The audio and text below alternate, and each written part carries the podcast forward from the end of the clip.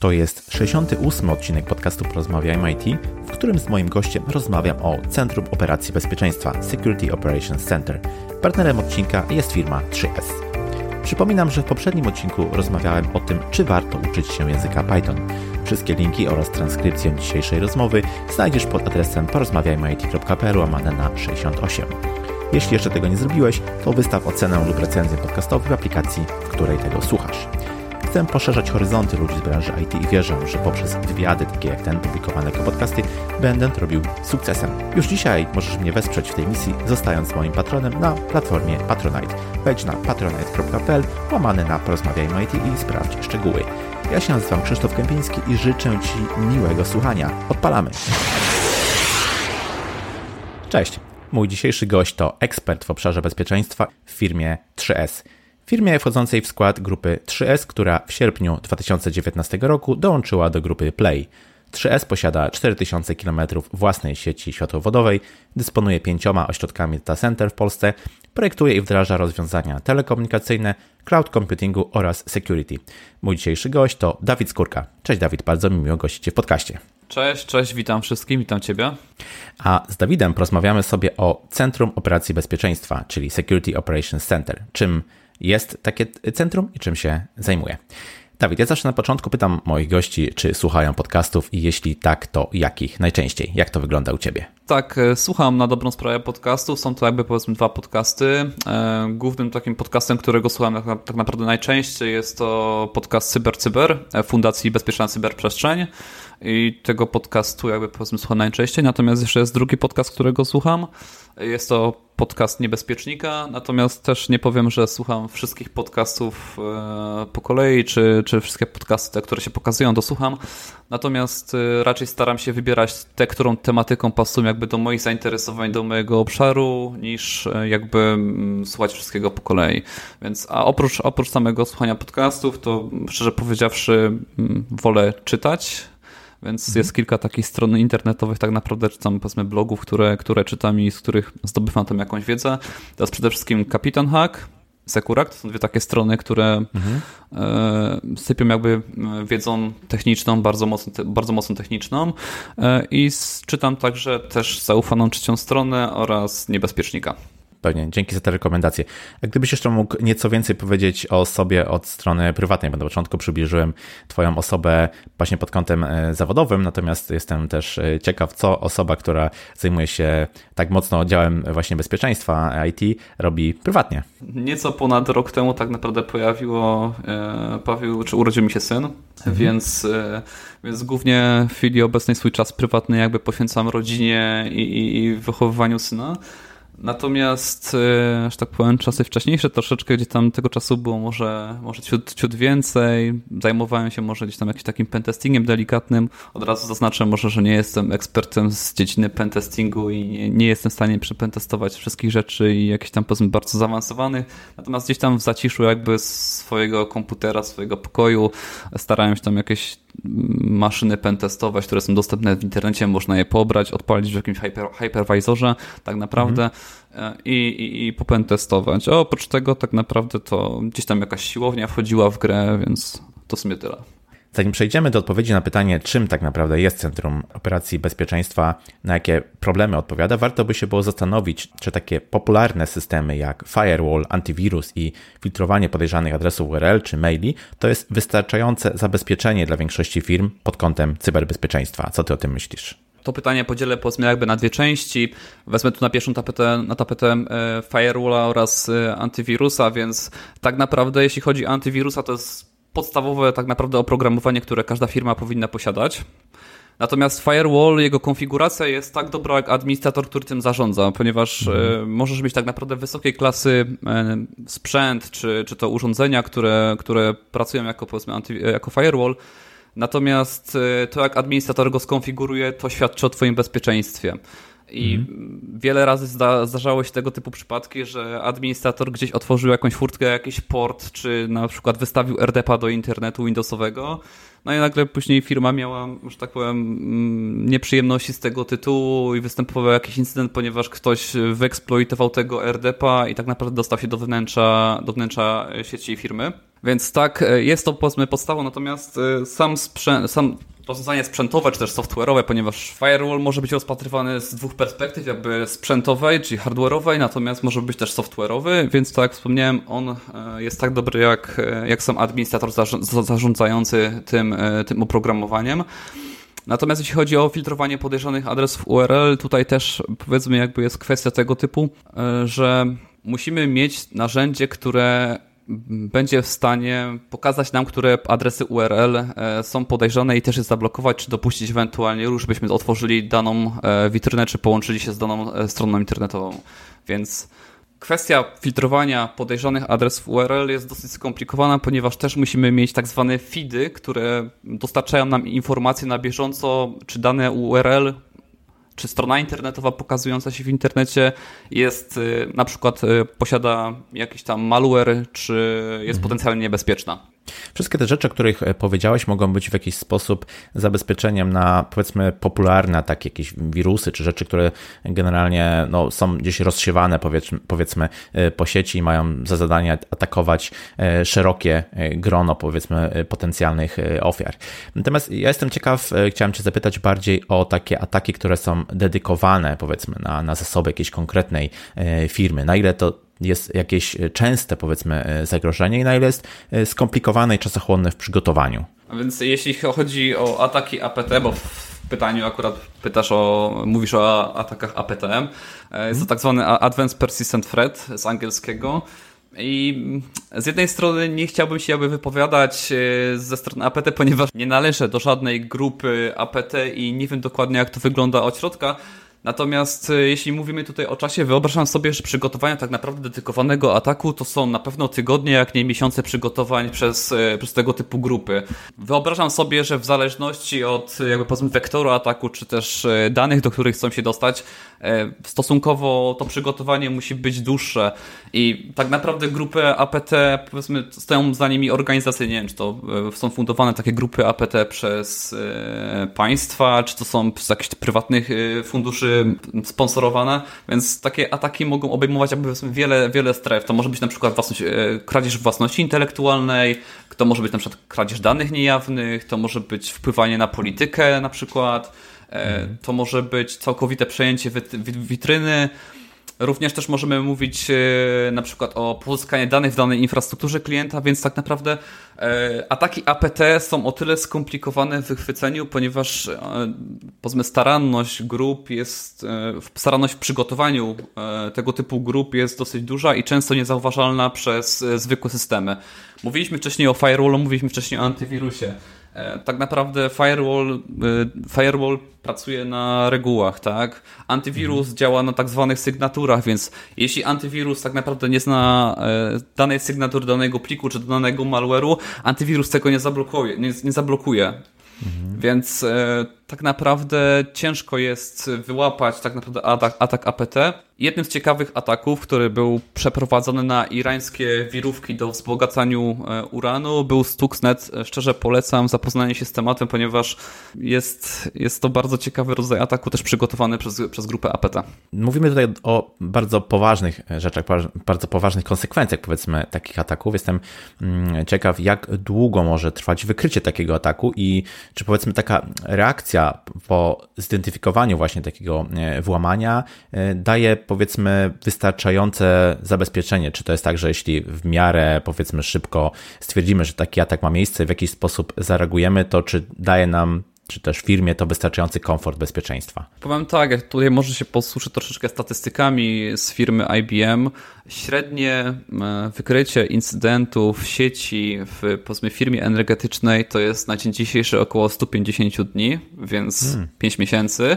Natomiast jeśli chodzi o służbę zdrowia, ta liczba delikatnie rośnie, są to 255 dni, więc czas, który tak naprawdę jest potrzebny na wykrycie jest bardzo duży. Biorąc w takim razie pod uwagę e, RODO i kary jakby wiążące się z tego typu incydentami, no to na pewno e, mamy tutaj do czynienia z, z dużymi kosztami dla firm. Te koszty są tam skalowane w sumie na chwilę obecną. Nie jestem w stanie powiedzieć, jak duże to koszty są. Taki incydent, patrząc na przykład przez pryzmat Moreli, taki incydent może, może dosyć, dosyć mocno zaboleć.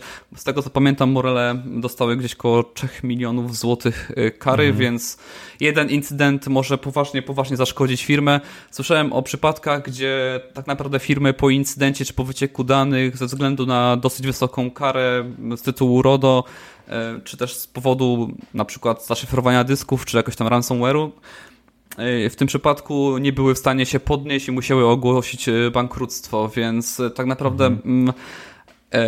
nie mogę tutaj powiedzieć w żadnym wypadku o jakimś komforcie bezpieczeństwa po, po, po incydencie, tak?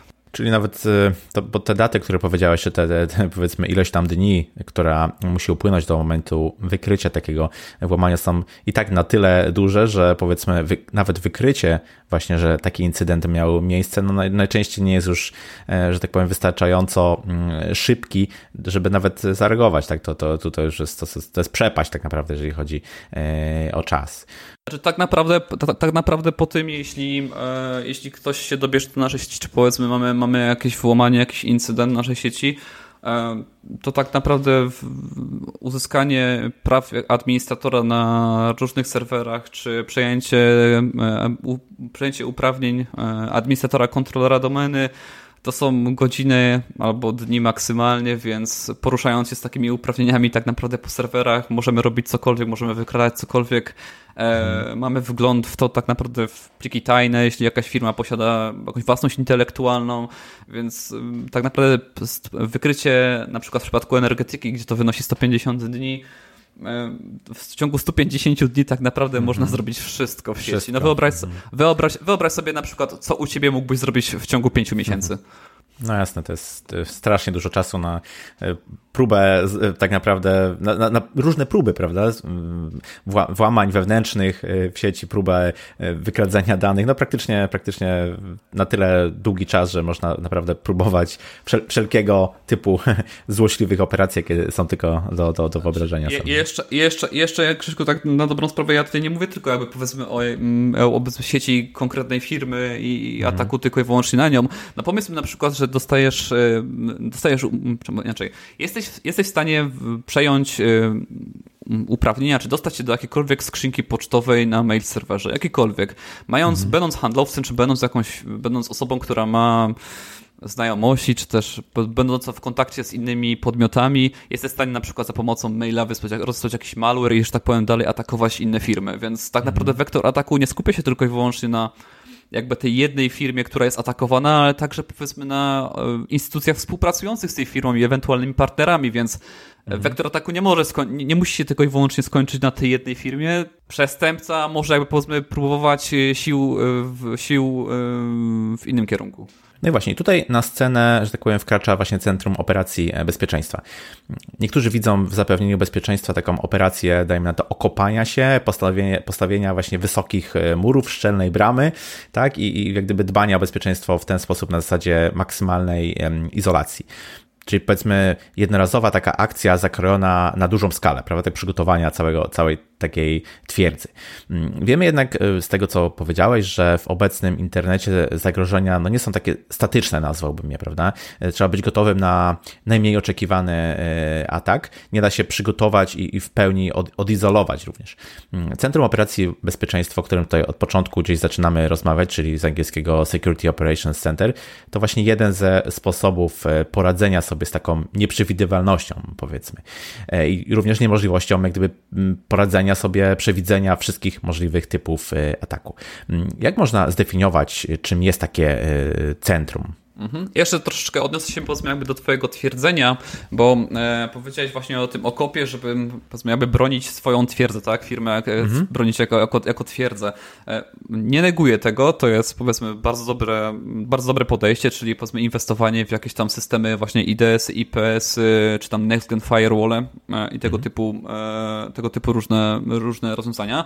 To jest, że tak powiem, wychodzi tylko i wyłącznie na plus. Natomiast jeśli chodzi o, o, o SOCA, czyli nasze Security Operations Operations Center, no, my tak naprawdę skupiamy się na monitorowaniu i, i analizie aktywności właśnie w sieciach, w sieciach naszych klientów, jak i na naszej 3S-owej.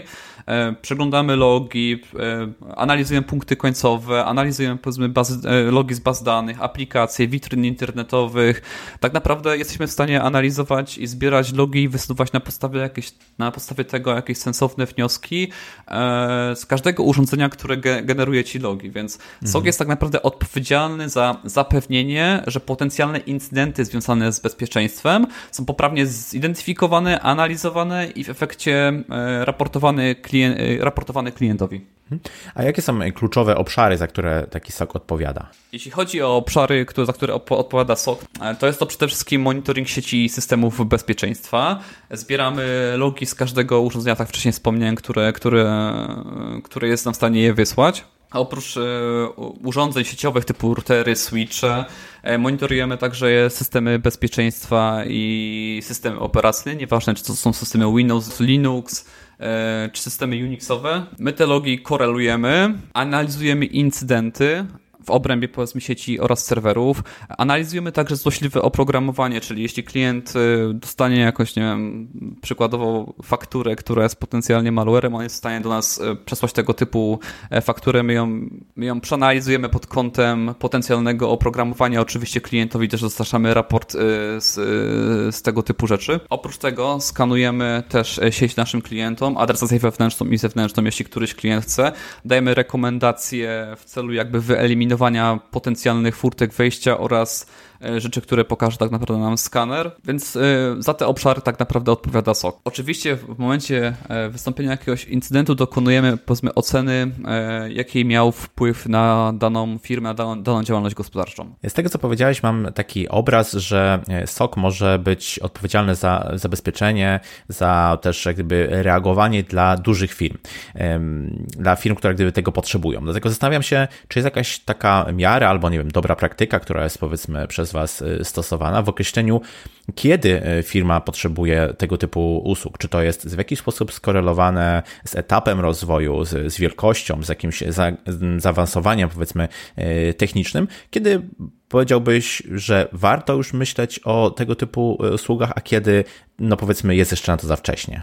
Wiesz co, to jest ciężkie pytanie tak naprawdę i ono powinno być rozpatrywane jakby z poziomu każdego przedsiębiorstwa tudzież tak naprawdę każda firma powinna dokonać sobie analizy ryzyka IT, w której powinna wziąć pod uwagę tego e, systemy kluczowe, jakie ma w firmie, systemy backupowe i co się stanie, gdy dojdzie do jakiegoś incydentu. Weźmy na tapetę taką firmę jak na przykład dealer samochodów.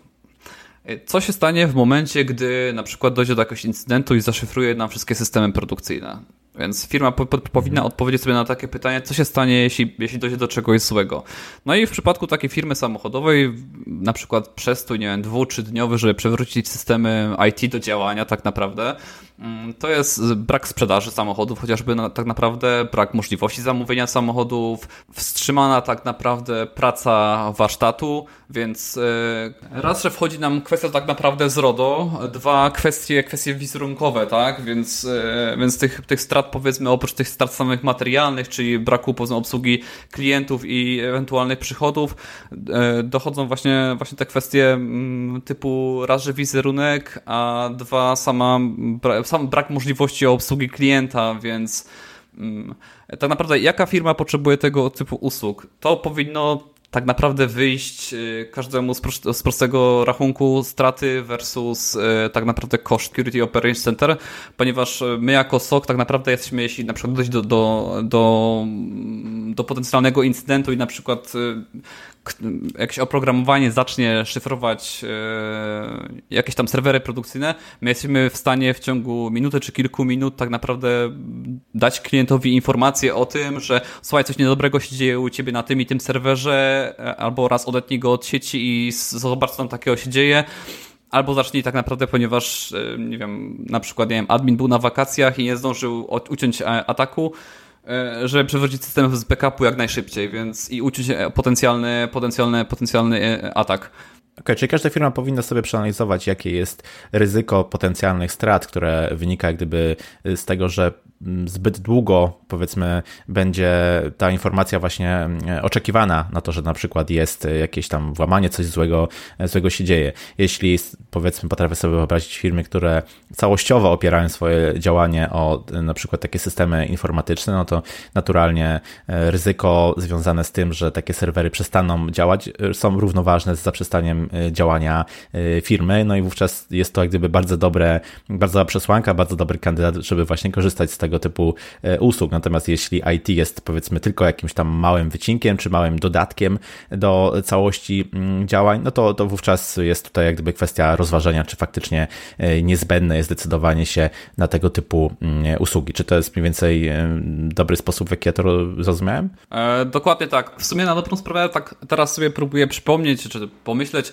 jaka firma tak naprawdę nie potrzebowałaby tego typu usług i jaka, jaka firma nie mhm. potrzebowałaby wiedzieć o tym, czy coś niedobrego w sieci się dzieje na, na chwilę obecną nie jestem w stanie wymyślić takiej firmy, która by, chyba że prowadzi ktoś biuro rachunkowe jeszcze w, że tak powiem, w książkach i księgach mhm. jakichś, nie używa firm, e, systemów IT, rzeczywiście może taka, taka firma nie, nie, nie, nie potrzebować tego typu usług. Tak, tak, no teraz faktycznie słusznie zauważyłeś, że przecież e, IT przesiąka praktycznie każdą e, działalność, każdy typ działalności. Ciężko sobie wyobrazić firmy, które w jakiś sposób nie byłyby, chociaż w małym stopniu, powiedzmy, zależne od tego typu mm, systemów pewnie. No, na przykład weź pod uwagę fakt, że każda praktycznie firma posiada jakiegoś tam CRM, a jakiś tam system mhm. fakturujący, tak naprawdę przetwarzają te dane osobowe, więc y, nie jestem w stanie na chwilę obecną wymyślić gdzieś, gdzie nie ma, gdzie firma nie, nie ma jakichś klientów, albo nie przetwarza jakichś danych osobowych, więc to jest przede mhm. wszystkim wyznacznik, być może jeden z wyznaczników, tak, przetwarzanie danych osobowych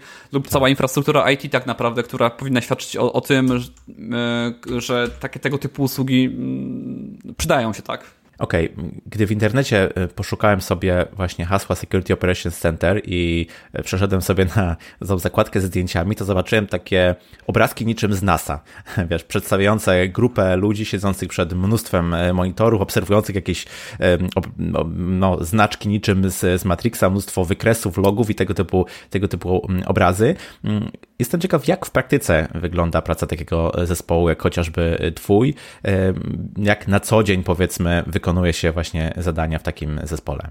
O, oczywiście nie, nie mamy aż tylu monitorów, na, które, które widziałeś na, na, na, zdjęciach w Google tak naprawdę, ale tak, mamy wiele monitorów i na nich patrzymy. Faktem, często są to właśnie jakieś tam wykresy o atakach, często są to globalne tak naprawdę incydenty, które się dzieją, ponieważ też obserwujemy jakby trendy w internecie, które na chwilę obecną się dzieje, znaczy w czasie rzeczywistym to się dzieje takiego w internecie, mm. próbujemy na to jakoś reagować.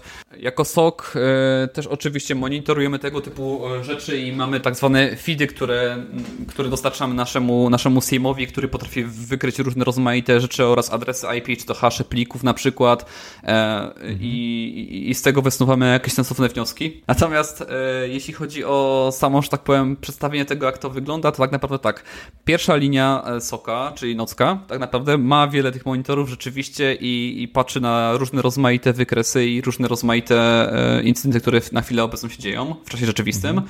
Natomiast my jako, akurat jestem też również pracownikiem e, drugiej linii Soka, oprócz tego, że jestem kierownikiem, też robię rzeczy techniczne i też ze swoim zespołem obsługuję te incydenty, więc, więc my akurat mamy na chwilę obecną jakby kilka monitorów i głównym, głównym jakby takim naszym ważnym, ważną rzeczą, którą, którą obserwujemy na, na, na co dzień, to są tak naprawdę incydenty naszych klientów, które się dzieją. Więc jeśli coś się mhm. nowego stanie, tak naprawdę dostajemy o tym informowanie tylko na maila. Mamy też, że tak powiem, główny monitor, na którym te incydenty się pokazują tak naprawdę i reagujemy stosownie szybko do tego.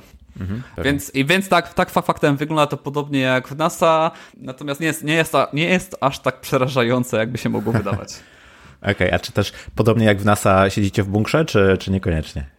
Znaczy, jeśli chodzi, chodzi o bunkier, to fakt faktem siedzimy trochę w bunkrze pracownicy naszej firmy właśnie się śmieją, że, że jesteśmy zabunkrowani, a to wszystko wynika z tego, że mamy ustawę o KSC, która jakby mm, e, mówi, czy też pisze o tym, jak powinno takie, takie pomieszczenie wyglądać. Oprócz samych jakby zabezpieczeń, e, zabezpieczeń takich systemowych, które stosujemy w soku, oczywiście to pomieszczenie musi być odpowiednio przygotowane. Mówimy tutaj na przykład chociażby o drzwiach, które, które muszą spełniać odpowiednie normy. To jest e, norma na włamanie oraz ognia, e, ognia oraz norma ognioodporna grubość ścian musi być odpowiednia, szyby muszą być odpowiednio zabezpieczone, oczywiście e, cała infrastruktura typu jakiś tam peposz, e, odpowiednio zrobiona jakaś tam elektryka, więc tak naprawdę KSC dosyć mocno, mocno nas tutaj powiedzmy ogranicza w naszej działalności. To nie może być po prostu pokój, w którym zwykły biurowy, tak, gdzieś tam przedzielony jakimiś płytami, płytami kartonowo-gipsowymi, w którym siedzimy, natomiast musimy spełniać odpowiednie normy, żeby świadczyć jakby usługi dla e, klientów usług kluczowych w państwie. I to właśnie ustawa KSC jakby nam narzuca. A z jakich narzędzi od strony technologicznej korzysta właśnie e, SOC? Czy to jest tylko powiedzmy podłączenie się pod rozwiązania, które już działają w firmie, którą, którą monitorujecie, czy też jest to dodanie pewnych nowych elementów właśnie na przykład do infrastruktury tej, tej firmy po to, żeby być w stanie ją monitorować? Czy wiesz, to tak naprawdę głównym narzędziem, e, są tak dwa główne narzędzia, z których korzystamy. Jest to CM, czyli Security Information, Information and Event Management. To jest, to jest narzędzie tak naprawdę, czy system, który który zbiera nam tak naprawdę logi z wszystkiego, co się tak naprawdę da i to chcemy podłączyć. Mhm. Ten system jakby za pomocą reguł, reguł które, które są wbudowane lub napisaliśmy, e, tworzy właśnie incydenty i to jest powiedzmy jeden system, z którego korzystamy. Następny system, który mamy to jest e, system SOAR-owy, jest to Security Orchestration Automation and Response, czyli jeśli coś się na przykład stało, jakby powiedzmy ten system prowadzi pracownika za rękę, co ma sprawdzić, gdzie ma sprawdzić, jak ma wejść, jak ma poinformować poinformować klienta, e, co ma takiego klient zrobić, więc to jest jakby powiedzmy e, taka bym powiedział know-how, czyli mm, w zależności od rodzaju incydentu tak naprawdę on mm, mówi jakie czynności trzeba, trzeba wykonać, mówi to tak naprawdę prowadzi za rękę i pokazuje, które, które czynności, jakie czynności trzeba wykonać, żeby od, od początku, żeby obsłużyć incydent tak naprawdę. Więc on mhm. od e, samego, od wystąpienia incydentu tak naprawdę do jego rozwiązania, może nie mówi, ale prowadzi nas jakby za rękę, tak? Okay. To jest, to jest powiedzmy jakby, są narzędzia takie powiedzmy główne, z których korzystamy. Oczywiście jeśli chodzi powiedzmy od strony, od strony klienckiej, oprócz tej strony takiej systemowo, systemowo-sieciowej, czyli jakieś tam urządzenia, routery, e, serwery i tak dalej, zbieramy także też informacje z jakichś e, IDS-ów, IPS-ów, e, z firewalli, z application firewalli tak naprawdę i to wszystko dostarcza nam mm, tak naprawdę niezbędną wiedzę obszarze, której jesteśmy w stanie wysnuć jakieś konkretne wnioski lub też na przykład skorelować incydenty, skorelować różne logi, więc na podstawie tego tak naprawdę tworzą się incydenty i z tego tytułu jakby powiedzmy informujemy klienta o tym, że coś tak naprawdę się dzieje niedobrego u niego w sieci. Jasne. Mówiliśmy tutaj trochę prześmiewczo o tym bunkrze, ale no chciałem Cię zapytać też, czy to jest taka praca trochę w modelu 24 na 7 pod dużą e, presją i jakie umiejętności trzeba posiadać, aby pracować właśnie w takiej roli? Czy to jest praca pod dużą presją tak naprawdę? Wydaje mi się, że raczej jest to e, praca pod presją czasu, ponieważ chcemy jakby klientom zagwarantować jak najniższe SLA, E, w związku z czym jakby czas jest tutaj kluczowy. Od momentu wystąpienia tak naprawdę incydentu chcemy jakby unieszkodliwić go w jak najszybszym czasie, więc fakt może być to praca jakby powiedzmy związana z jakąś tam dawką, dawką stresu i rzeczywiście umiejętność radzenia sobie z tego typu sytuacjami jest jakby powiedzmy skazane. Natomiast y, oprócz, oprócz, oprócz tego z takich umiejętności miękkich, które należy posiadać, to na pewno, mm, na pewno dobra zdolność komunikacji jest ona jakby powiedzmy kluczowa, trzeba potrafić jakby powiedzmy napisać, umieć napisać sensownego maila, jak i to technicznego, jak i nie technicznego do jakiegoś tam powiedzmy prezesa zarządu czy do kogoś, jeśli ma takie życzenie, że wystąpiło to i to i potrafić opisać jakby incydent y, w formie jak najmniej technicznej, tak żeby osoba, która, która jest nietechniczna i, mhm. i czyta tego, te, tego typu e, e, zgłoszenie, żeby wiedziała tak naprawdę z czym ma do czynienia. E, oprócz mhm. umiejętności miękkich, no to na pewno jeszcze praca zespołowa. Jednak pracujemy w zespole, dzielimy się wiedzą, staramy się jakby tą wiedzę propagować, bo nie zamykamy się jakby tylko i wyłącznie w naszym pokoju, ale też nasze działy IT, czy nasze, mm, nasi, nasi specjaliści właśnie od wdrożeń też staramy się tą wiedzą dzielić z nimi, więc jakby ta praca zespołowa jest tutaj kluczowa i nieodzowna. Mhm. Oprócz jakby umiejętności miękkich trzeba posiadać także kompetencje jakby techniczne i tu tak naprawdę zakres jest dosyć szeroki, ponieważ e, oprócz powiedzmy zarządzania jakimiś tam systemami, sieciami, trzeba potrafić przeczytać jakiś kod e, mhm. na przykład malware'owy, e, trzeba znać troszeczkę algorytmów, troszeczkę baz danych tak naprawdę, więc żeby być e, specjalistą i pracować jako powiedzmy bezpiecznik, to jednak ten e, skillset jest dosyć, dosyć, dosyć duży i mhm. wydaje mi się, że jest to chyba jedna z podstaw, dla których specjalistów na naszym rynku jest tak niewielu, ponieważ na chwilę obecną jest bardzo duży niedobór mhm. jakby specjalistów z zakresu właśnie bezpieczeństwa i, i, i ciężko pozyskać jakby dobrego pracownika, który jakby mm, umie wiele, Mhm. I ma przy, ma przy okazji właśnie po, umie połączyć właśnie jakby te, te, te, te e, dwa te skillsety, czyli umiejętności miękkie i twarde jest dosyć, dosyć ciężkie na chwilę obecną. Pewnie. No, to jest e, rzadki zestaw kompetencji w parze, to prawda. Mm, a czy, czy takie systemy monitorujecie e, całą dobę, czy tutaj jak gdyby tylko w takich tradycyjnych godzinach, powiedzmy, urzędowych? Z założenia monitorujemy 2-4 e, na dobę przez 365 dni w roku, więc, więc ta ochrona jakby i informacja o wystąpieniu tych incydentów tak naprawdę jest e, przez cały rok 2-4 na dobę.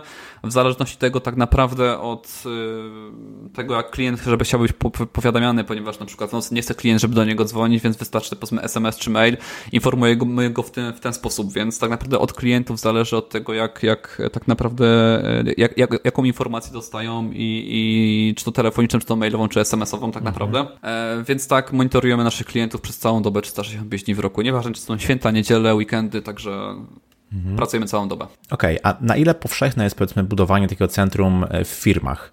E, nie wiem, jakie są powody, dla których e, odsetek takich firm, które decydują się na inwestycje w tym obszarze jest no, bardzo mały. Powiem szczerze, że pieniądze chyba są tutaj głównym jakby wyznacznikiem Okay. tego typu inwestycji, ponieważ no, zakup, e, zakup jakby samego specjalistycznego oprogramowania typu CM właśnie, czy, czy nawet SOAR, to są tak naprawdę setki tysięcy złotych w skali roku. E, to jest być może jeden, jeden, jeden z czynników i jeden z, problematyk, e, z problemów.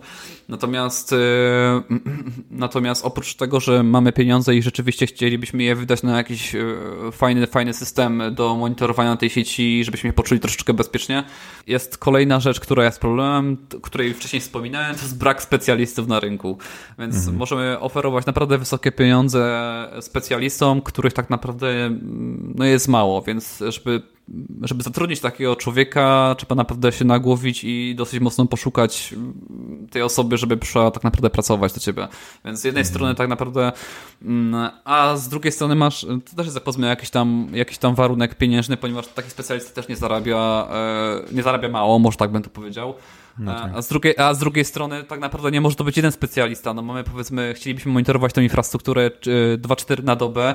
Tych specjalistów musi być co najmniej pięciu, tak żeby e, jakby ten 365 dni w roku jakby obstawić tymi osobami. Wiadomo, mamy urlopy, mamy jakieś tam mhm. zwolnienia chorobowe i tak dalej, więc jakby, jakby to, to, jest, to, to jest największy problem. A specjaliści, dwa, duży, duży, duży wydatek na sam początek, no bo oprócz zakupu tak naprawdę tego SIEMA, czy tam systemu solarowego, które naprawdę kosztuje wiele, musimy mieć jeszcze pod to infrastrukturę dobrze e, zbudowaną, mhm. czyli musimy jakieś dwa serwerki kupić na pewno, dosyć, dosyć mocny tak naprawdę, ponieważ e, system CM bardzo mocno mm, bardzo mocno obciąża tak naprawdę e, procesor i RAM, więc to, żeby to działało na jakiś tam, w jakiejś tam klastrze, też infrastruktura serwerowa jest dosyć droga, więc to jest tak naprawdę, żeby zatrudnić tego typu ilość osób, plus e, tak naprawdę wydać na software i na hardware pieniądze, to są w granicach, tak obstawiam, lekką ręką około 300 tysięcy jedno, jedno, jednokrotny e, mhm. wydatek. Natomiast oprócz tego, że zakupisz sobie samego Siema, to później trzeba jeszcze nad nim tak naprawdę popracować, ponieważ e, firmy, które dostarczają oprogramowanie nie znają twojej infrastruktury mhm. i tego Siema trzeba dostosować jeszcze pod swoją infrastrukturę, tak, żeby te incydenty, które powstają, żeby rzeczywiście miały jakikolwiek sens, żeby odsiać tak zwane false positive, więc to też jest tak kilka miesięcy co najmniej e, hmm. pracy nad samym CM-em i nad systemem solarowym, by, by, by, rzeczywiście miało to ręce i nogi. Mhm. Więc czas, czas, pieniądze i brak specjalistów są takie trzy, trzy wyznaczniki, które rzeczywiście, rzeczywiście mogą e, być problemem dla firm chcących zbudować sobie tego typu centrum. Okej, okay, no czyli duża inwestycja. Dobrze, to jeśli nie budować takiego centrum w ramach swoich kompetencji, w ramach swojej firmy, to może lepszym pomysłem będzie współpraca z dostawcą e, zarządzanych usług bezpieczeństwa, takich właśnie jak grupa 3S, e, której pracujesz? Myślisz, że to jest e, lepsze rozwiązanie dla większości klientów? No, zgadza się. Przede wszystkim e, czas uruchomienia takiego, takiej usługi jest zdecydowanie krótsza. Raz, że mamy specjalistów i nie mówię tutaj tylko w ramach powiedzmy jakby swojego zespołu, czyli tych powiedzmy bezpieczników. Mamy także oprócz, oprócz samego Security Operation Center, mamy takich specjalistów na przykład jak programistów, mamy e, ludzi, którzy budują sieć, mamy osoby odpowiedzialne za różnego rodzaju systemy, czy to Microsoft, czy to Linux, za różne, różnego rodzaju wdrożenia usługi. Nawet jeśli mamy problem z czymś i czegoś możemy nie wiedzieć, na przykład jeśli coś się stanie takiego, mamy dokąd się udać tak naprawdę i jesteśmy w stanie zasięgnąć, że tak powiem, opinii, opinii osoby, która tak naprawdę decyduje na, na tym e, zęby. Zdecydowanie raz, że jest to tańsze przede wszystkim, tak, ponieważ odchodzi nam jakby zakup samych, samych, samych systemów, które kosztują naprawdę setki tysięcy. Dwa, jest to monitoring 2-4 na dobę i jakby powiedzmy my dbamy o to, by klient, klient był bezpieczny, więc e, Dobrze jest swoją infrastrukturę tak naprawdę oddać w ręce właśnie te, te, te, tego typu usługodawcy, i część, część klientów się zastanawia właśnie, ale jak to jest, no bo jakoś te logi muszą gdzieś być wysyłane, one gdzieś muszą być przechowywane tak naprawdę, więc mhm. robimy to tak naprawdę dwojako, jeśli chodzi o wdrożenia. E, możemy taki kolektor umieścić u klienta w sieci z bazą danych, więc te logi tak naprawdę nie wychodzą nigdzie poza sieć klienta. A druga taka, powiedział, zagwozdka może klientów, która jest, no bo gdzieś tam jak się z nimi łączymy i spinamy jakiś tam tunel VPN-owy czy coś, że klienci myślą, że mamy potocznie wjazd do ich sieci, tak? Oczywiście, oczywiście możemy to zrobić w tego, tego typu sposób, że po prostu klient nam wysyła logi, my już powiedzmy w drugą stronę nie możemy się do nich dostać, więc e, jakby sposobów na rozwiązanie tego typu problemów jest naprawdę wiele i szczerze powiedziawszy zachęcam. Jako 3S e, świadczycie również usługi SOC as a Service. Mógłbyś powiedzieć, jak taka usługa działa i właśnie kto jest jej adresatem? Tak naprawdę jest to mm, oferta dla tak naprawdę każdej firmy, powiedziałbym, która przetwarza jakieś dane osobowe lub ma jakąś infrastrukturę krytyczną. Mówiliśmy wcześniej właśnie o analizie, analizie bezpieczeństwa i tych kluczowych systemów e, firmy. Co by się stało, gdyby na przykład nam zaszyfrowało e, część serwerów i nie moglibyśmy pracować tak naprawdę, więc mhm. to jest e, dla, dla każdej firmy, która A jest świadoma, ponieważ jednak świadomość bezpieczeństwa jest tu kluczową, kluczową rzeczą, bo jak możemy rozmawiać o bezpieczeństwie tak naprawdę naprawdę z klientem, który nie wie, czym jest bezpieczeństwo i ewentualnie jakie zagrożenia tak naprawdę mm, e, panują w sieci, na co, jest narażony, więc zazwyczaj są to klienci świadomi, a ewentualnie są to są to czasami podmioty, które też miały już e, do czynienia z incydentami, na wskutek którego doszło do jakichś naruszeń, bądź też e, kar z tytułu RODO. Każdy klient, czy każda firma, która chciałaby właśnie monitorować swoją infrastrukturę, czy to krytyczną, czy w ogóle całą infrastrukturą, nie na przykład zachowanie użytkowników, czy ktoś nie wchodzi na jakieś strony potencjalnie uznane za niebezpieczne, lub na przykład któraś z końcówek się nie, e, nie łączy z jakimś e, serwerem CNC. Więc e, tego typu rzeczy my wykrywamy. Jeśli miałbym podać o skalę, tak naprawdę to, to jest dla przedsiębiorstw, tak będę szczelał, od 20 osób wzwyż Mhm. Więc jakby powiedzmy limitu tutaj nie ma. Kwestia jest rzeczywiście tej, tej, tej infrastruktury kluczowej, którą klient posiada, i w zakresie powiedzmy jakby jej musi na podstawie właśnie analizy bezpieczeństwa e, podjąć taką decyzję, czy jednak e, co się stanie na przykład, jeśli nie będę działał na przykład tydzień, czy przyniesie, czy mhm. będą jakieś negatywne skutki tego, tego działania, czy, czy, czy jestem w stanie na przykład żyć bez tych systemów IT, ponieważ wiele firm na chwilę obecną podchodzi do tego typu tak, że w sumie to mi się nic nie stało, więc chyba jestem mhm. bezpieczny, tak? A tak mhm. tak naprawdę jest troszeczkę błędne myślenie, ponieważ prędzej czy później dojść do tego ataku.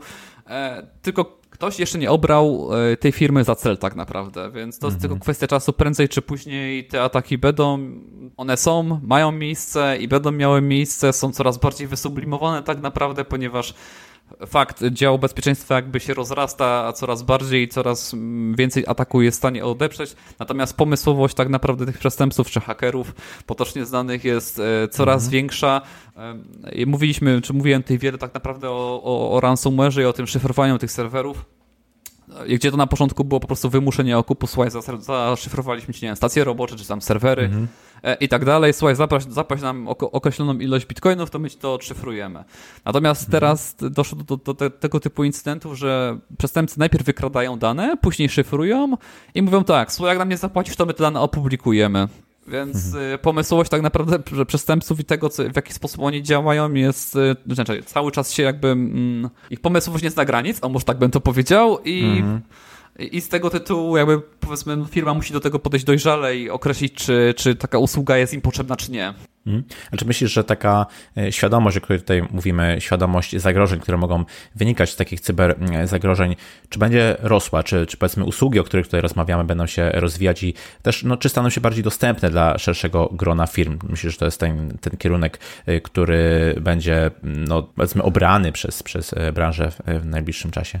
Powiem szczerze tak, że jeśli chodzi o ten taki właśnie rynek security i, i, i tych konferencji wszystkich, które się dzieją i mają miejsce w chwili obecnej, ta świadomość rośnie i to widać zdecydowanie. Widać to po, na, pewno, na pewno po imprezach branżowych, gdzie coraz więcej specjalistów, coraz więcej e, nie wiem, prezesów, osób, które tak naprawdę są decyzyjne, jeździ na tego typu spotkania, oni są, są uświadamiane różne szkolenia są też prowadzone z tytułu bezpieczeństwa, więc jakby powiedzmy my jako Polska, czy różne firmy, które zajmują się powiedzmy tym budowaniem tej świadomości i mają ofertę szkoleniową, e, robią całkiem dobrą robotę. Coraz więcej firm jakby jest świadom, świadoma zagrożeń, E, te zagrożenia rzeczywiście opisują już nawet e, powiedzmy portale, które zazwyczaj zajmowały się powiedzmy wiadomościami takimi powiedzmy z Polski czy ze świata, więc ta świadomość bezpieczeństwa jest budowana coraz lepiej i coraz szersze grono odbiorców sięga tak naprawdę. Te usługi na pewno się będą rozwijały, ataki, ataki też się rozwijają. Kiedyś, kiedyś nie było czegoś takiego jak ransomware tak naprawdę. Kiedyś te ataki były mniej wysublimowane, w tym, w tym momencie obserwujemy rzeczywiście mm, dosyć duże, szczególnie związane powiedzmy z koronawirusem, tak, na, na samego koronawirusa, gdzieś tam jakieś SMS-y przechodziły, słuchaj, twoja paczka czeka do dezynfekcji, opłać x hmm, ilość tak. pieniędzy i my ci ją wyślemy, więc tych, tych ataków pomysłowość tak naprawdę rośnie i no jest to szybki zarobek tak naprawdę dla, dla przestępców, ciężko jest ich tak naprawdę namierzyć, więc, więc tak, jeśli miałbym podsumować, rzeczywiście e, te usługi na pewno będą się rozwijały, trafią coraz, coraz szerszego właśnie grona firm na pewno i będą coraz bardziej dostępne. Okej, okay, super. Dawid, bardzo Ci dziękuję za e, ciekawą rozmowę, za podzielenie się informacjami o cyberbezpieczeństwie, o tym jak działa Centrum Obsługi Bezpieczeństwa. No i co? Mogę Ci chyba tylko życzyć jak najmniej incydentów. E, wielkie dzięki jeszcze raz. No i powiedz proszę, gdzie Cię można znaleźć w internecie, gdyby ktoś chciał się z Tobą skontaktować i może zapytać właśnie o te aspekty. Więc znaleźć mnie można na pewno na LinkedInie, jeśli chodzi o taką właśnie strefę e, służbową. Natomiast e, też bym chciał podziękować za rozmowę i pozdrawiam wszystkich. Do usłyszenia, cześć. Cześć. I to tyle z tego, co przygotowałem dla Ciebie na dzisiaj. Mam nadzieję, że po przesłuchaniu naszej rozmowy z Dawidem wiesz, czym jest i jak działa Centrum Operacji Bezpieczeństwa w IT. Tak jak mówiłem w intro, założyłem profil na Patronite. Możesz wesprzeć moją działalność kwotą już od 5 zł miesięcznie. Chciałbym oddelegować kilka rzeczy, które wykonuję przy każdym podcaście, a zaoszczędzony czas wykorzystać na przygotowanie jeszcze lepszych treści dla Ciebie. Sam jestem patronem kilku twórców internetowych i widzę, że taka pomoc daje dużą satysfakcję obu stronom. Mój profil znajdziesz pod adresem patronite.pl łamane na porozmawiajmy IT. Znajdziesz go też w notatce do tego odcinka.